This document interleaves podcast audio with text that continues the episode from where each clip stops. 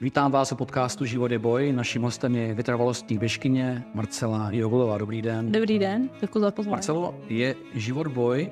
Eh, měl by člověk, nebo má počítat člověk s tím, že bude v životě o lecos bojovat, ale co si bude muset vybojovat, anebo je život eh, proces, kdy je ideální o nic nebojovat a pěkně jim proplout a hlavně mhm. se o nic extra nesnažit a nervat. Já myslím, že od obojího něco, ale když něco jako hodně chci nějaký cíl, tak bych si ho asi do té hlavy měla dát a můžu předpokládat, že to něco bude stát. Hmm. A vy jste zvyklá bojovat? Já si myslím, že jo. Že jako když si něco řeknu, a tak se zatím umím mít. To si myslím, že ano. Vzpomenete si na něco, co jste si musela zatím ve svém životě úplně nejvíc vybojovat, co vás stalo nejvíc sil a kdy jste musela opravdu zatnout zuby? Ty bláho, takhle takhle úplně si vybavit. Já si myslím, že je tam několik situací, ale nic to nebylo, že bych se v tu chvíli úplně musela asi kousnout, že to všechno byl nějaký proces a ten proces k tomu vedl. Takže eh, pár situací bylo, ale asi nedokážu konkrétní. Vlastně i ta olympiáda svým způsobem byl takový kousnutí se, protože jsem musela si přehodnotit, čeho se vzdát, za čím si naopak jít a, a jako byl to taky svým způsobem nějaký boj, ale velmi milý teda, velmi mm. příjemný, ale No, nedokážu úplně takhle, takhle říct, je, je jako samotnou věc. Když jsme u té olympiády, ta byla v Tokiu v roce 2021, vy přitom jste, pokud jsem se dobře díval na váš životopis, vy jste nechtěla od malička být e, maratonskou běžkyní, že jo? A nepřipravovala jste se celý život na tu kariéru maratonského běžce. Jak jste se vlastně dostala k běhání a jak jste se dostala na olympiádu?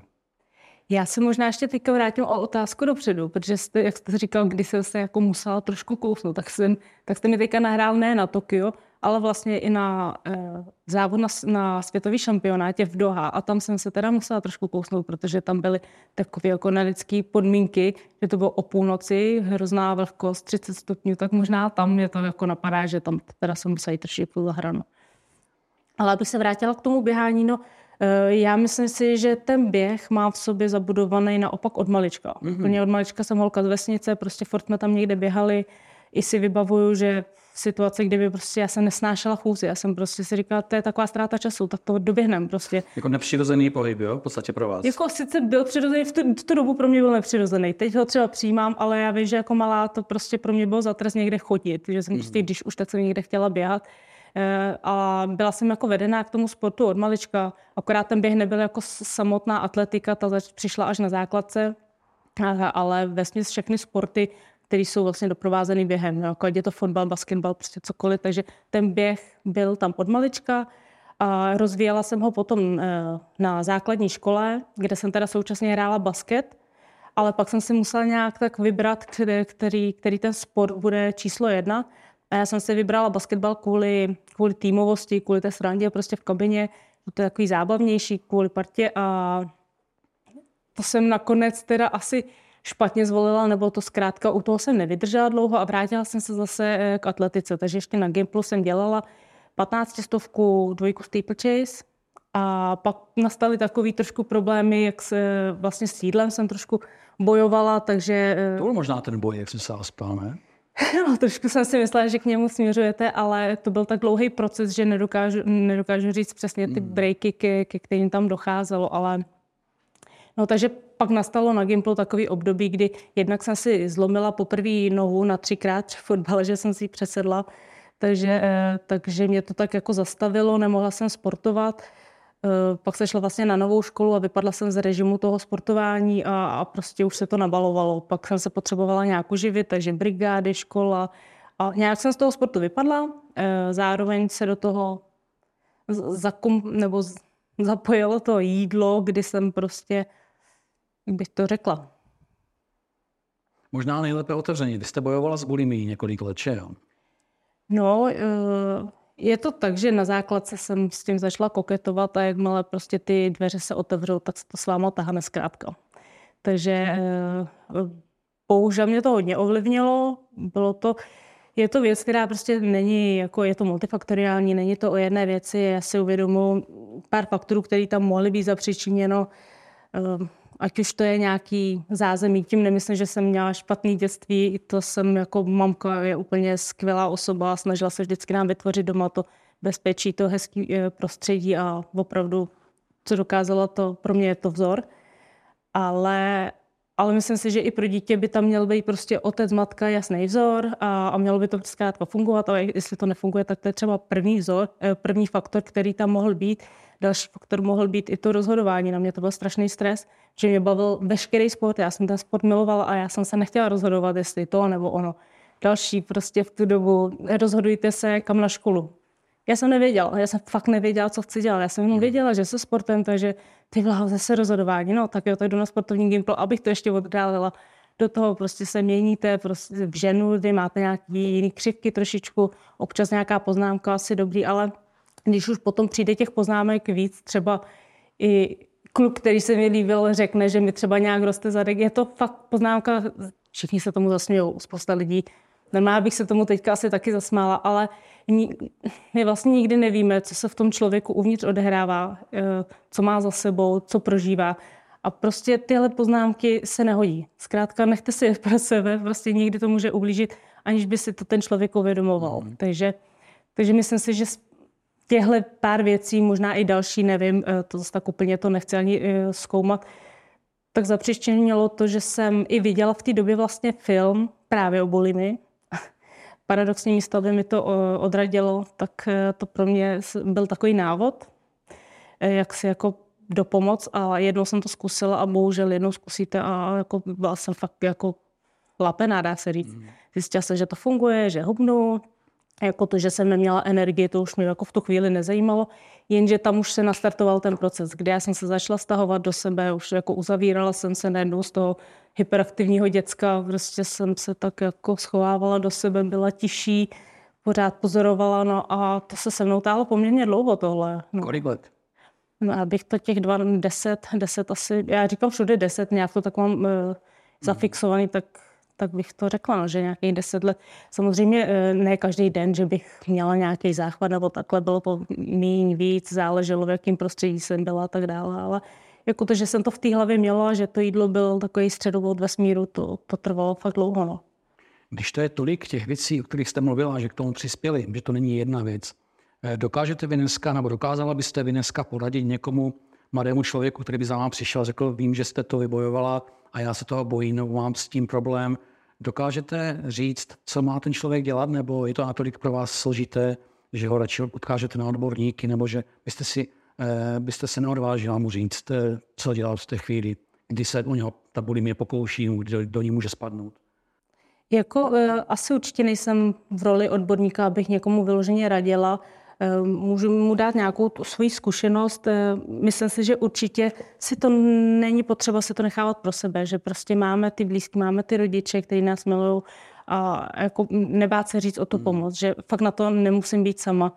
A jsou tady odborníci, kteří se tím zabývají, ne, ne nadarmo to studují tak dlouho, takže opravdu asi sám dokážu si představit, že když je čl- člověk jako zrovna v tom nejhorším období, tak asi jen tak třeba taky nemá odvahu někam jít, ale opravdu říct to té nejbližší osobě, který důvěřuje a věřím, že ta osoba, hmm. když ji má takhle rád, tak prostě to pochopí, obejme ho prostě, jako dá mu najevo, že, že tam není v tom sám, že mu fakt jako pomůže, což je možná návod pro ty rodiče a opravdu vyhledají pomoc skrze eh, třeba i tady v Praze přímo specializovaný pracoviště na poruchy příjmu potravy, ale je, to, je toho určitě víc. Někdy totiž stačí, to záleží. Jo? Ně, někomu postačí, když eh, bude chodit na nějaké jenom terapie. Někomu jsem slyšela, že pomohla eh, doktorka přes výživu, mm. že jako je naučila, jak, jak se stravovat, co je zdraví, co, jak, jak potraviny dávat tomu tělu, jakou skladbu. Takže není nutný vždycky skončit třeba na nějakém lůžkovém oddělení. Jo? Můžete chodit jenom prostě se vypovídat, jo? zjistit nějakou příčinu, co vám dělá dobře. Jako co mě určitě dělalo dobře, je, že jsem naskočila do nějakého režimu. Prostě režim je podle mě lék na všechno, nejenom jako na tohle, ale opravdu funguje jako strašně dobře, když, když je vytvořený nějaký rituál a pokud mám teda problém s jídlem, bohužel ho nemůžu odstavit, prostě denodenně se s tím jídlem setkáváme, tak opravdu tomu dát řád, nějaký režim a asi ze začátku jako požádat i v tomhle možná o pomoc, pokud je to doma, že tam má tu osobu, aby ho ohlídala třeba s tím množstvím. Já vím, že to vlastně, teďka se trošku přiju, že to jsem přesně nechtěla, že jo, a schovávala to, ale Ale opravdu, když si dají takhle nějaký plán, stanoví si nějaké pravidla a fakt eh, ten režim si nějakou dobu, nějakých pár dní, týdnů, možná i měsíc, bude jako fixovat, mm. tak, se, tak se to dá srovnat, protože oni se vlastně, nebo já jsem si tak narušila strašně moc metabolismus a vlastně já jsem ani ona je vlastně najednou se vytratí ta kontrola sytosti. A já jsem vlastně vůbec nepoznala, kdy mám hlad nebo ne. Hmm. Prostě je to, jako ty hranice jsou zbořeny, takže já jsem se potřebovala znova rozjet ten metabolismus a naučit ho nějaký pravidelnosti. Můžete dneska říct, eh, že už jste z toho venku, že to, máte, že to je za váma a že už se to nemůže vrátit? To si myslím, že... Si jistá nejste. To si myslím, že se nikdy nemůže říct úplně. Vy nevíte, co vám tam prostě ten život má se na vás připravený, kdy se v jaký situaci ocitnete. Já jako teď se cítím dobře, vím, že mi funguje ten režim a snažím se ho držet.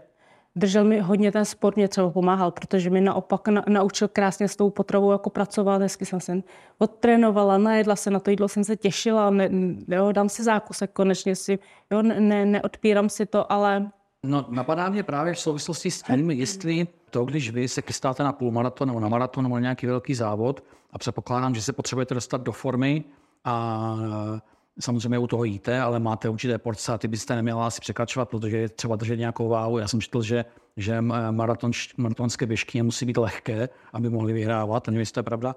Eh, no ale kam, kam mířím? Jestli po tom období, kdy fakt člověk se extrémně hlídá, jestli pak nemáte chuť, jestli, ten, jestli nemáte strach z toho blikance a chuť na to sníst pět hamburgerů a fakt si to dopřát, to, čeho člověk musel celou tu dobu eh, jako vyvarovávat. Jako mám? ne, ale je pravda, že tam jsou, ale já s tím tak nějak počítám, že vím, že je to součást i toho tréninku, toho života, že prostě teď jsem tomu tělu trošku jsem ho jako dávala na hranu, mm. řekněme, je to taky extrémní sport i s tím jídlem, protože tam opravdu je dobrý, když člověk nemusí tahat těch pět kilo navíc v závodě, ale pak zase si říkám, dobrý, teď máš týden, tak mu zase dopřej, protože ono to tělo, i aby pak fungovalo znova správně, tak je potřeba mu dodat jako trošku víc. A vlastně to vůbec není na škodu mít pak jedno, dvě, tři kila navíc jako po, po závodě, protože pak je stejně eh, doba, kdy se to tělo potřebuje zregenerovat týden klidně, kdybych jako se jenom procházela, tak je to v pořádku a normálně jedla. Ale mám pořád tam v hlavě nastavený, eh, jsem zjistila, asi to není špatně, nějaký jako hranice. Už jako i když vidím ten talíř, tak už mám ty porce, dokážu jako vyhadovat. To tam jako v hlavě mám a svým způsobem se trošku hlídám, ale, ale jako po tom závodě si dám jako nějakou naopak nevím, na hamburger se vždycky těším. A dáváte si ho nebo ne? No jako dám si ho klidně potom. Život je boj. Pomáháme vám vítězit. Vojenská zdravotní pojišťovna. Kolik vám bylo let, když jste se kvalifikovala na eh, olympiádu v Tokiu, anebo ještě lépe, když jste začala opravdu tvrdě trénovat na, na půlmaraton, pak maraton? Takový ten, jako kdy se to lámalo už opravdu v tu otázku, zda se tomu úplně věnovat, tak to já datuju tak v 27 let, že mi bylo. Řekl vám někdo, že už jste to stará v té době? Naznačil vám někdo, hele, jako to si měla přijít, když ti bylo 18? Takhle, jako když jsem za někým přišla a takovým stylem asi, že prostě chci na olympiádu, tak jo, občas se někdo pousmál, ale vlastně se jim ta myšlenka líbila a jako byl to challenge velký. Ale je pravda, když jsem se chtěla dostat třeba do střediska nebo takhle, tak pro hodně lidí jsem opravdu byla jako stará, nelukrativní, prostě oni hledají ty mladý sportovce, který někam porostou a najednou tam přijde prostě 27 letá holka a chce, chce se dostat do střediska, tak tam jsem cítila jako velkou stěnu. Nakoplo vás to, já vám ukážu, anebo vás to mohlo třeba i srážet taková ta nedůvěra toho okolí, no jako tak to holka zkus, ale moc ti nevěříme. Ne, mě to, mě to jako motivovalo. Hmm. Mě to hnalo dopředu a vlastně já teda musím říct, ono to vyznělo možná ty lidi naopak, ty jako cizí, jako a mý fan followeri, mý fanoušci, tak naopak já vnímala, jako, že naopak, jako všichni mi to strašně přáli. Že naopak to bylo hrozně hezké a jako ze začátku jsem bojovala sama s přítelem, s rodinou, ale pak se ten takhle jako nabalovala a opravdu už tam byl celý tým a vlastně i za ty lidi jsem tak nějak jako bojovala. Jenom, jenom spíš ty střediska a tyhle ty, ty, ty instituce, tak ty hmm. to viděli trošku jinak, ale jako ve směs jinak ty lidi to bylo skvělý jak takový sportovec, kterému třeba střediska až tak nevěří, eh, funguje třeba se sponzory a s lidmi, kteří mu můžou pomoct, s firmami? No jako ze začátku jsme hodně, to jsem prostě šla od výplaty k výplatě, s, s přítelem mi hodně pomáhal a rodiny. Pak prostě, když viděli lidi ten příběh a tu motivaci a tu prostě asi možná tu kuráž, i když to zní hrozně jako nadneseně z mých úst, ale tak se občas jako přidal třeba i vlastně i známý o, od přítele, že má velkou firmu a chtěl by mi podporovat, tak mi třeba měsíčně něco poslal pravidelně. A jako to se, to se nabaluje. Mm-hmm. Jo, je, hodně to hrálo v ruce i s, se sociálníma sítěma, kterými ze začátku teda úplně nevoněly. Musela jsem se do toho dostat, ale když pak nějak fungujete i na těch sociálních sítích, tak je to dnešní doba, že už prostě skrze ně se jako může, může přidat i ten sponzor nějaký. Ale potom vlastně už zase, jak říkám, nabaloval se ten tým, takže eh, Našla jsem si manažera, eh, se kterým jsme začali spolupracovat a on mi hodně věcí, hodně věc mi pomohl, protože on jako bývalý profesionální sportovec moc dobře věděl, jak to chodí a že to hmm. není snadný, takže se mi snažil hodně pomoct a doteďka mi pomáhá, teda on zakoukal.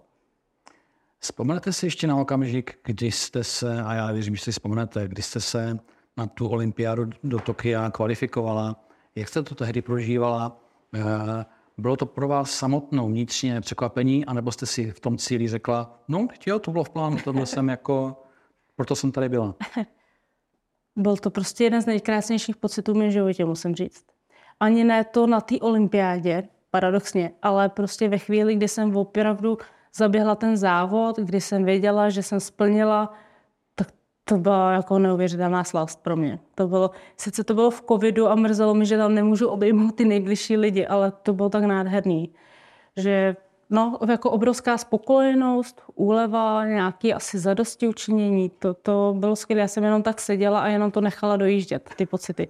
Pak jsem teda hodně volala, ale to bylo krásné. A hlavně tam podle mě je důležitý i jak se člověku běží. A mně se v tu dobu, ten den, to fakt všechno padlo prostě. Mně se běželo skvěle. Já jsem tam neměla žádnou nějakou extra velkou krizi, možná ke konci potom zase křeče, ale docela se mi je podařilo zahnat.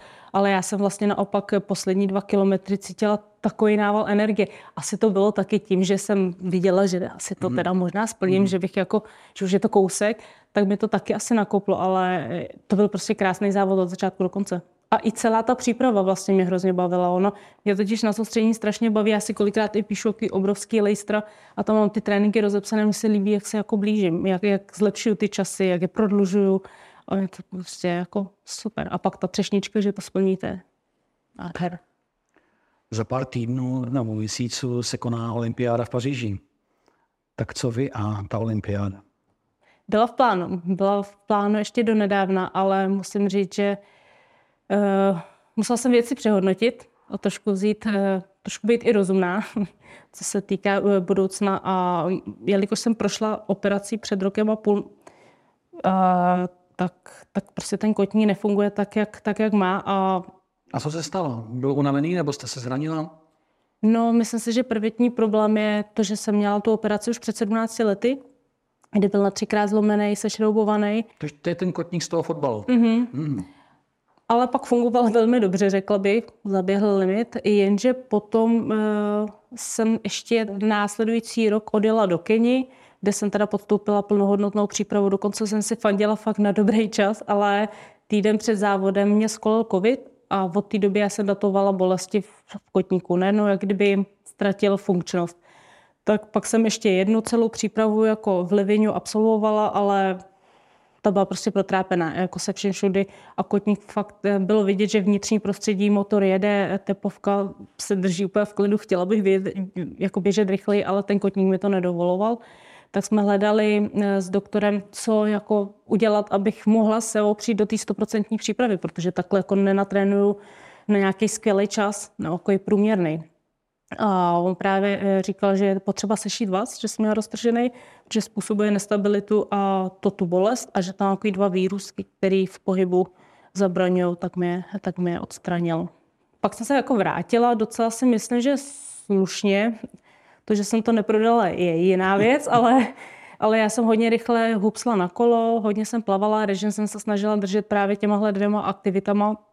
Asi podvědomě jsem trénovala, bych řekla, na triatlon si tak jako myslím, ale eh, bohužel jsem to zkrátka neprodala a pak vlivem různých faktorů asi i eh, hodně lidí mi chtělo radit a já jsem prostě si nešla za tím svým, ale nechala jsem si do toho kecat, takže eh, tam jsem trošku pozměnila ty plány, trošku jsem umírnila kolo, umírnila jsem plavání, začala jsem víc běhat a prostě ten kotník nefunguje, no. Takže, takže bohužel tohle olympiádu nechávám hold jiným a, a doufám, že třeba se ještě vrátím.